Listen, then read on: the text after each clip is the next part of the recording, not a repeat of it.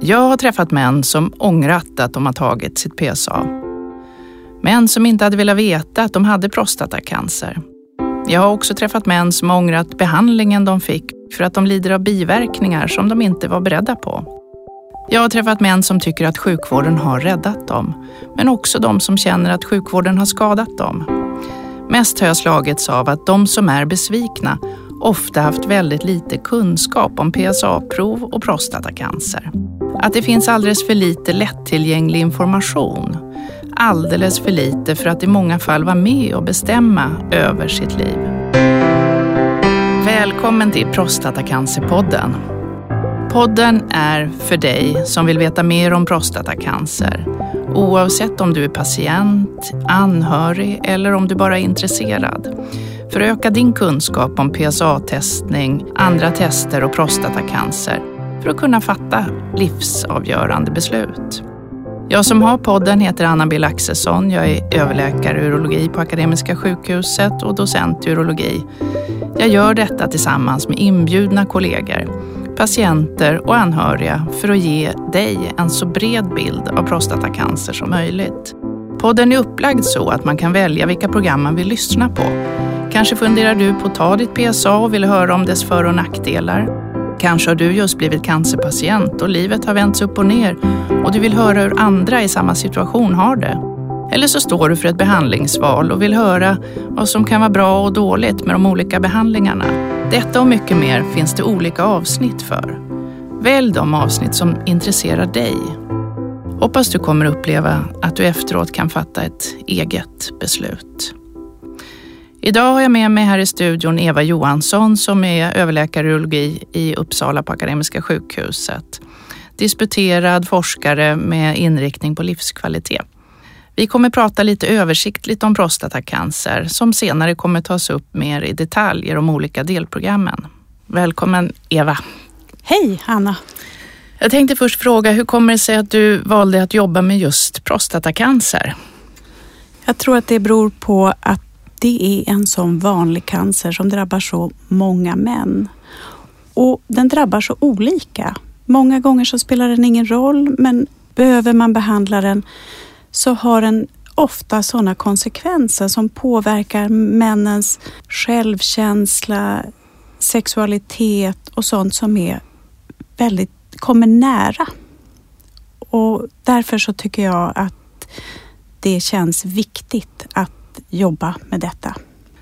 Jag började jobba med det här för att redan när jag gjorde allmäntjänstgöring så fick jag en nära bild av det här då min svärfar hade en spridd prostatacancer när jag lärde känna honom som han sen också dog av. Så att för mig blev det tidigt en väldigt viktig sjukdom. Så att jag tyckte att sen när jag blev urolog och fick chansen att göra ett eh, forskningsarbete eller avhandlingsarbete så kändes det väldigt viktigt att det handlade just om prostatacancer.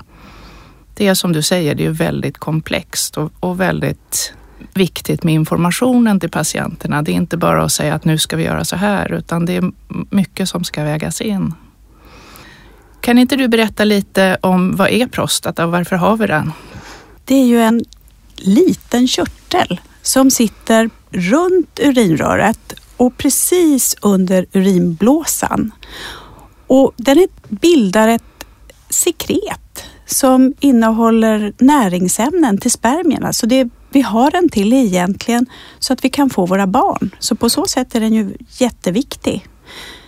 Och sen så vart efter tiden går, den, i början är den stor som en liten nöt ungefär och sen så växer den vart efter tiden går beroende av det manliga könshormonet. Men för det mesta så beror ju det att man får en sån här godartad prostataförstoring som kommer med tiden. Och det kan ge lite vattenkastningsbekymmer eftersom den just sitter så runt urinröret. När och vem är det då som får prostatacancer? Ålder är ju den största risken. Ju äldre vi blir, ju större är risken att man får en prostatacancer. Men för de flesta kommer det inte att spela någon roll för att det är sån cancer som är så snäll att den inte kommer alls att påverka ens liv. Men vi vet också att det spelar roll var man bor eh, i världen. Etnicitet spelar också roll. Det är lite vanligare för afroamerikaner att få prostatacancer. Det är också vanligare för oss i västvärlden än vad det är för asiater att få en prostatacancer som spelar någon roll. Och vad är det man tror att det beror på att det är sådana skillnader i var man bor om man får prostatacancer eller inte? Man tror att det har att göra med miljö och kost. Att eh, de som bor i Asien äter inte så mycket rött kött. De äter, eh, de har soja ingående i sin kost och med, som innehåller mycket fytoöstrogen. Så att det är faktiskt så att om asiater de har lika mycket förstadium till cancer som vi har i västvärlden. Men det blir inte någon farlig cancer utav det. Men om asiaterna flyttar, en asiat flyttar till Amerika till exempel och börjar äta precis som amerikanerna, ja men då utvecklar de lika mycket allvarlig prostatacancer som amerikanerna. Så att någonstans där i, i skillnaden i hur, hur, vi, hur vi äter spelar stor roll. Och sen finns det förstås också ungefär 10 procent har en ärftlighet för prostatacancer. Och det är om man har två eller fler nära släktingar som har påverkats av prostatacancer i en tidig ålder, det vill säga någonstans runt 70-årsåldern. Då kan man ha en ökad risk också för prostatacancer. Och hur vanligt är det med prostatacancer? Ja, nu för tiden så, så jag menar, i världen så är det ungefär en miljon män per år som får diagnosen och i Sverige någonstans runt 10 000 som får det här beskedet. Och så var det inte riktigt tidigare utan det, det har ökat ganska dramatiskt. Vad beror det på? Ja, det låg ju väldigt still under 70 80-talet. Då var det ungefär 3500 män som, som fick det här beskedet. Men sen hände det någonting på 90-talet och det är då som vi ställer så många fler diagnoser och det beror på att då kom det här blodprovet som man kunde ta, eh, PSA-provet. Det prostataspecifikt antigen, ja. Precis. För innan det så, så hittade vi bara prostatacancer om vi kunde känna någon knöl på prostatan. Men nu när vi fick det här blodprovet, ja då kunde vi hitta cancern mycket, mycket tidigare. Och då finns det också problemet med det att vi hittar cancer som inte har någon betydelse eftersom det är så pass vanligt att ha cancerförändringar i sin prostata. Man säger i runda slängar att ungefär 40 procent av 50-åringar har sådana här förändringar, små cellförändringar som i de flesta fall inte kommer bli allvarliga eller de kommer märka av under sin livstid. Så det är ju ett, ett bekymmer med det här att vi har fått sån ökad diagnostik, att vi hittar så mycket mer. Men när, när det gäller dödligheten, hur ser det ut där? Den är, har inte ändrat sig någonting eh, över tid utan ungefär 2500 män dör varje år till följd av sin prostatacancer och det har då inte ökat även om antalet män med prostatacancer har ökat. Och det talar ju också ganska starkt för att vi just hittar de här väldigt tidiga cancerna och väldigt mycket av sådana här lågrisktumörer som, som aldrig kommer att spela någon roll för ens liv. Vad har man då för symptom av prostatacancer? Ja, det är det som är lurigt. Man har egentligen från början inga besvär av detta. Det är små förändringar som kommer i den här prostatakörteln och det ger inga besvär. Ungefär hälften av alla män som tar sitt PSA, de gör det i en hälsokontroll. Och sen är det en ganska stor grupp som har vattenkastningsbesvär eh, som är väldigt vanligt hos män över 50 år och det typiska då är att man kissar lite långsammare, man behöver springa och kissa lite oftare, det blir bråttom när man väl behöver gå på toaletten. Och då söker man för det och tar i samband med det ett PSA som kan vara förhöjt och på så sätt så, så hittar man sin prostatacancer. Men orsaken till vattenkastningsbesvären, det var ofta den godartade prostataförstoringen för den växer precis närmast urinröret och klämmer åt det lite grann så att avrinningen från urinblåsan blir sämre och det ger de här typiska vattenkastningsbekymren. För ska man ha en prostatacancer som ger svårigheter att kissa eller blod från urinvägarna, ja då är den väldigt långt gången. Och fortfarande är det så att vi, några män kommer ju förstås med en cancer som är mycket mer avancerad. Men det är fortfarande en liten grupp, ungefär tusen män per år.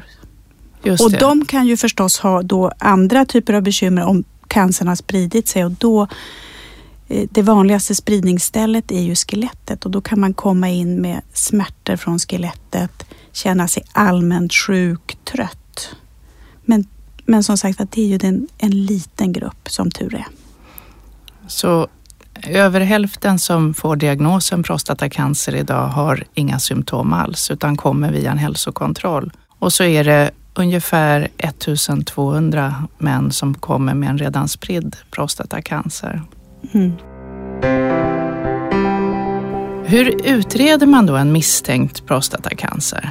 Det som är viktigt och det är ju att man innan man tar sitt PSA, att man läser på och sätter sig in i, i vad detta innebär och då finns det, Socialstyrelsen har gjort en skrift som handlar om PSA och den rekommenderar vi att alla män läser innan man går och tar det här blodprovet och framförallt om man vill göra det som en hälsokontroll. Men sen det som är viktigt är att man alltid tar två PSA-prover. Om det skulle vara förhöjt att man dubbelkontrollerar eftersom inget prov är hundraprocentigt säkert och dessutom så kan PSA, det är ju en prostataspecifikt som vi säger, men det är inte cancerspecifikt. Det betyder alltså att PSA kan vara förhöjt av många anledningar. En vanlig anledning är att man har en godartad prostataförstoring. Ju större prostata, ju högre PSA-värde. Men man kan också ha haft någon infektion i prostata eller någonting annat som också ger förhöjda värden. Så man ska ha två förhöjda värden innan man sen skickas vidare till en urolog som utreder. Och när man kommer till urologen, ja då kommer den förstås att fråga om om man har någon tecken på ärftlighet, om det finns i familjen och vad man har för andra sjukdomar. Ehm, och sen så gör man en undersökning av prostata. Man känner på prostata via ändtarmen. Många gånger tittar man också med ett ultraljud via ändtarmen för att mäta prostatas storlek för att få en uppfattning om det.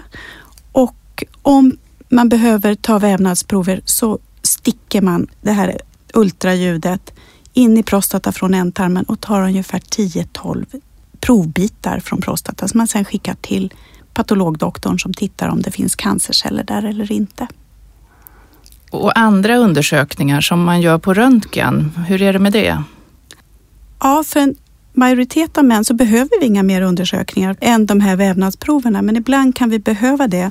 Och eh, nu så använder vi oss mycket mer av en kameraundersökning av prostata som ger en jättefin bild av prostata och där man på ett lättare sätt kan hitta tumörer och framförallt tumörer som sitter eh, på ovansidan av prostata kan man säga. Som vi har svårt att nå med, med våra nålstick. Och det här är en undersökning som vi, vi hoppas mycket på för framtiden. Mm, det börjar bli mer och mer vanligt att använda den, men det pågår fortfarande en hel del forskning om precis hur bra och när den här ska användas. Men, men det används ju idag på många ställen. Jag tänkte skelettundersökningar då, som vi gör för män som har misstanke om en spridd cancer, alltså de som har ett väldigt högt PSA-värde eller en väldigt ful tumör i de här cellproverna. Vilka, eh, kan du säga lite om det? Ja, det gör vi om, om det finns en sån misstanke och det vanligaste är att vi gör en, en helkroppsskelettundersökning, en skelettskintigrafi. Och då ser vi hela skelettet och ser i så fall om det skulle visa sig att det finns någon spridning dit. Och gör det det så då är det en annan typ av behandling som behövs. Och nu finns det väldigt bra behandlingar även för spridd prostatacancer. Vi delar ju in prostatacancer i riskgrupper. Det finns ju precis som du säger ett, ett väldigt stort spektra av typ av prostatacancer. Allt från väldigt snälla tumörer som aldrig kommer bli någonting allvarligt som vi helst inte skulle vilja hitta överhuvudtaget till farlig prostatacancer. För vi ska ju komma ihåg att det är ändå så att det är den vanligaste dödsorsaken i cancer hos män. Det är ungefär 5 procent som avlider av prostatacancer. Så att den delen är ju oerhört viktig. Kan du berätta hur vi gör när vi delar in i riskgrupper? Mm, enkelt sagt så har vi tre riskgrupper och det är lågrisk, mellanrisk och högrisktumörer. Och lågrisktumörer behöver man i princip inte behandla. De är så långsamt växande så att de kommer inte att påverka ens liv. Mellanrisktumörerna, ja, de ska behandlas, inte alltid, men ganska många av dem behöver vi behandla. Och högrisktumörerna, det är de ilskna tumörerna och de ska i princip alltid behandlas. Och när vi delar in de här riskgrupperna så använder vi en kombination av hur PSA-värdet ligger och hur prostatan känns när vi känner på den, om man kan känna någon knöl eller inte. Och så använder vi också hur det ser ut i vävnadsproverna, hur ilskan, tumörcellerna ser ut. Och hur mycket av vävnadsproverna som innehåller cancer? Är det bara någon liten millimeter eller är det så att hela biten är fylld av cancer? Det väger vi också in. Just det. Och sen förutom de riskgrupperna så har vi ju de som är, är mer allvarliga som har spritt sig eh, till lymfkörtlar eller till skelettet. Men i stora drag, hur, hur går det för de här riskgrupperna? Hur går det om man har en lågrisktumör? Har man en lågrisktumör då vet vi från våra register att eh, på 15 års sikt, om man inte får någon behandling, så är risken att dö i prostatacancer ligger på under 3 procent. Och om man har en mellanrisk? Ja, då, då stiger det lite grann, men fortfarande så ligger det där under 6 procent. Och högrisk, ja då, då är det en betydligt större risk att det kommer att hända något allvarligt med ens tumör. Ja, det är som att det är en helt annan, en helt annan cancer. Den, har en helt, den, är, den är verkligen viktig att hitta och, och behandla. Mm. Och idag pratar vi till och med om, och det finns mycket forskningsdata som visar att de här lågrisktumörerna, de kanske inte ens har ett sätt att bete sig, att de kan sprida sig. Så att man tror att, att man, man funderar till och med på att döpa om det och att inte kalla det för cancer längre. Nej, det, det där debatteras ju mycket om vad man ska kalla det eftersom det är väldigt olyckligt att man får en cancerdiagnos när vi vet att risken att dö av den är absolut väldigt, väldigt låg. Man säger att det är under 3 procents risk att dö om man inte behandlar den och om man behandlar en cancer omedelbart så ligger den risken strax under 2 procent. Så att skillnaden där är, är väldigt liten på 15-20 års sikt. Så att de här skulle vi helst inte vilja hitta. Vem är det då som dör i prostatacancer? Det är ju framförallt den äldre mannen och där har det ju ändrat sig nu. Så majoriteten av de som dör till följd av sin prostatasjukdom, de är nu mellan eller över 85 år gamla. Och näst största gruppen ligger mellan 80 och 85. Så att det är den äldre mannen och det är väldigt ovanligt att män som är under 60 år och så dör av prostatacancer. Man har ju också pratat om det här med eh, utredningen och hur bråttom är det? För vi har ju pratat nu om att prostatacancer är en väldigt långsamt växande tumör i de allra flesta fall. Men att där är det ju ändå så att vi vill att utredningen ska gå ganska fort. Åtminstone fortare än vad den gör idag. Kan du kommentera lite runt det? Man kan säga generellt sett så är det ju ofta inte bråttom. Men det är naturligtvis så att om man har en, en, ett förhöjt PSA som inger en misstanke om att det kan finnas en tumör, då vill man ju förstås träffa en urolog fort, ganska snabbt och slippa gå med den oron. Det är vad patienterna definitivt tycker och också doktorerna. Att från det man tar sina prov på prostata, att man blir stucken i prostata, till svaret kommer om det finns cancerceller eller inte där. Den tiden är väldigt jobbig, så den vill vi försöka korta. Att man inte behöver vänta mer än två veckor. Och samma sak behöver man sedan komplettera med ytterligare utredning, röntgenundersökningar. Att det också rullar på fort så att man får ett svar. Vad har jag för tumör och hur ska vi bäst behandla den? Och därefter när man ska välja sin behandling, ja då kan man ofta ta ganska gott om tid på sig och fundera vilken behandling passar mig bäst. Men ovissheten är alltid jättejobbig. Så det är egentligen inte för att det är bråttom utan det är för att man inte ska behöva gå länge i, och, i ovisshet? För själen. Ja, för själen. Det här med behandlingsstrategier, det, vi kommer ju ha program som är inriktade på de olika behandlingarna eftersom det här är viktigt att få mer detaljerat. Men i korthet kan du väl beskriva vilka strategier vi har? För lågrisktumörerna rekommenderar vi en aktiv monitorering och det kan vara ett lite konstigt ord, men det betyder egentligen att man följer mannen som har den här lågrisktumören med regelbundna kontroller av PSA och regelbunden provtagning av prostata för att se att den håller sig lugn, att det inte händer någonting med den tumören.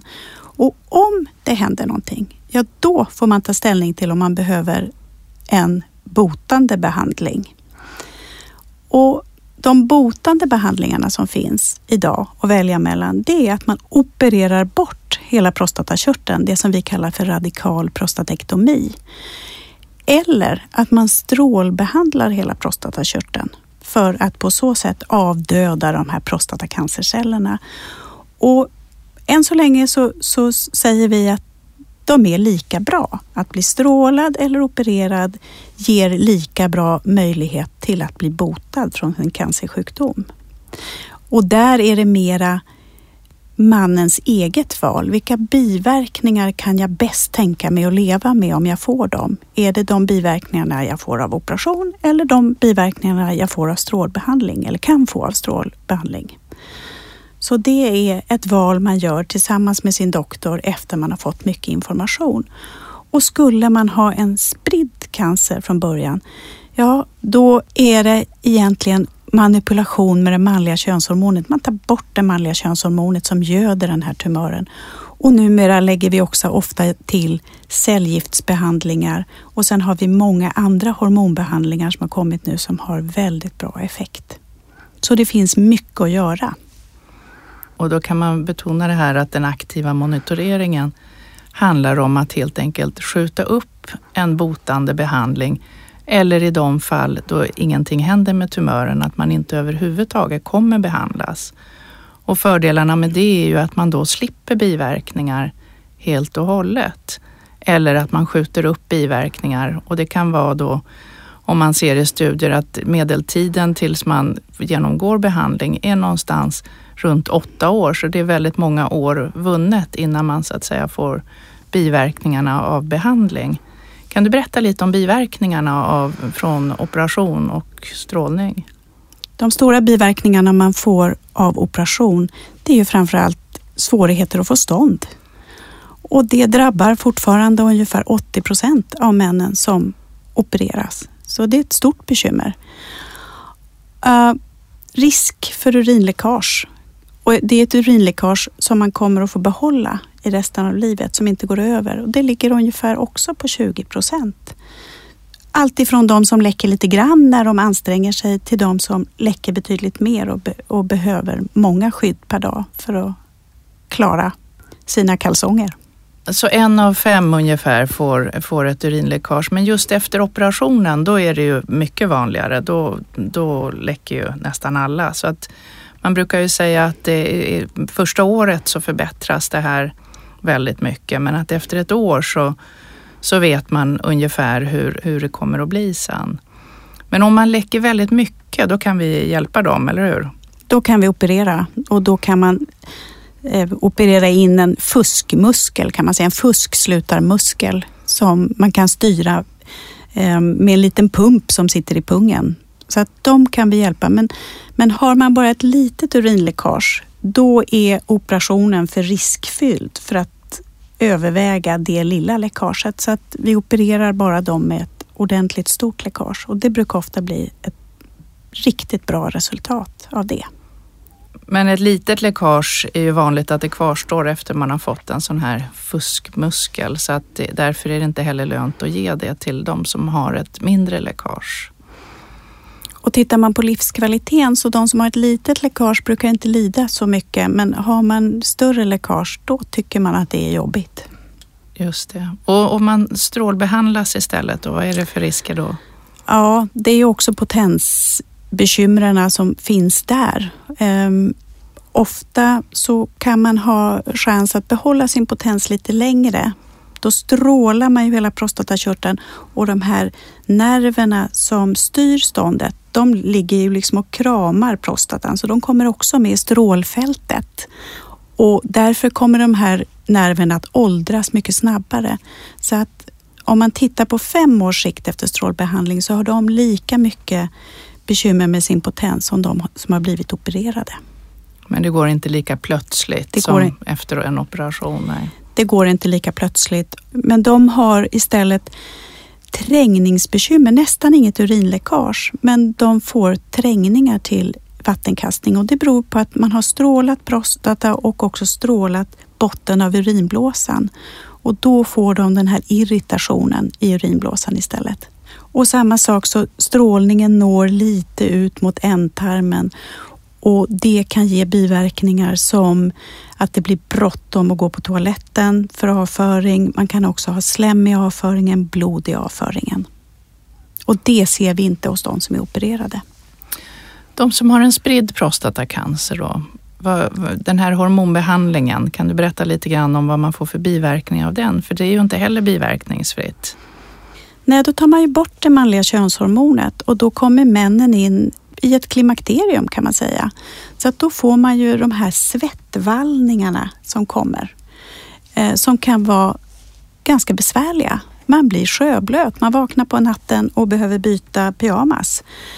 Eh, det brukar ju lugna sig vart efter tiden går, men, men eh, det är påtagligt. Och sen är det förstås att det är en ökad risk för att man blir lite nedstämd. Man brukar säga att man tar bort tar vinden ur seglen. Man, blir lite, man tappar lite av sin kraft eller ja, drive. Att, Den att, manliga driven. Ja. Att, att få saker gjorda. Att man blir lite mer um, tillbakalutad och inte lika driven att genomföra saker på så vis. Och där, där ligger väl också en del av att den här depressionen som kan komma också av att man tar bort hormonet. Förr i tiden så gjorde vi ju så att man tog bort testiklarna. Men det är ju eh, en väldigt enkel operation och fungerar väl. Men nu för tiden så ger vi oftast sprutor istället. Mm. Och också här så, så, som en del av effekten av att man tar bort det manliga könshormonet så bryter man också ner muskulatur. Så numera säger vi att det är jätteviktigt att man faktiskt styrketränar om man behöver behandlas med hormoner för att motverka att musklerna bryts ner. Och sen det som också är viktigt, som är en viktig biverkan av att man tar bort det manliga könshormonet. Det manliga könshormonet är det som ger lust till sexualitet, så man tappar sin lust. Man behöver inte säkert tappa sin förmåga att få stånd, men man har ingen lust längre. Och sen om man står på hormonbehandling länge så finns det ju andra bekymmer med benskörhet och hjärt-kärlpåverkan och så vidare. Risk för diabetes ja. och sockersjuka. Ja. Därför vill man inte sätta in hormonbehandling väldigt tidigt på folk i onödan för att det, det har ju konsekvenser både på kroppen och själen. Avslutningsvis nu Eva tänkte jag bara vi skulle nämna lite grann om någonting väldigt svårt som vi kommer ägna ett helt program åt. Och det är PSA-screening. Varför har vi inte i Sverige eller någon annanstans PSA-screening? Ja, vi vet att vi, vi räddar liv med screening, men Fortfarande så är det så att vi hittar alldeles för många lågrisktumörer. Och då blir det så, den sammantagna bilden, att vi gör mer skada än vad vi gör nytta. Vi gör alldeles för många män till prostatacancerpatienter som inte behövde vara det och vi har fortfarande inget tillräckligt bra test som hittar de fula cancrarna. Så den sammanlagda bilden är att vi skadar mer än vad vi gör nytta. Och därför så screenar vi inte i världen idag. Och då ska man komma ihåg att det här, de här studierna är gjorda på PSA-screening och nu har det kommit en ny studie från Stockholm, Stockholm 3-studien, som använder PSA men också andra markörer och om det kommer användas i framtiden eller magnetkamera som man gör en studie i Göteborg på nu kommer vara ett screeningverktyg. Det kommer vi få se, men det här kommer vi också prata mycket mer om i det andra programmet som handlar helt om PSA och screening. Tusen tack Eva för att du kom. Tack Anna. Och så vill jag avslutningsvis då berätta att Eva Johansson är då överläkare i urologi på Akademiska sjukhuset och disputerad inom livskvalitetsforskning. Jag som har podden heter Anna B Laxesson, också överläkare i urologi på Akademiska sjukhuset och docent inom prostatacancerforskning. Fler avsnitt hittar du på www.prostatacancerpodden. Följ oss väldigt gärna på hemsidan. Vi kommer ha många avsnitt om olika aspekter runt prostatacancer så du kan välja precis vilka avsnitt som du är intresserad av. Den här podden spelas in på Beppo ljudproduktion och jag tackar Erland jättemycket. Hej då!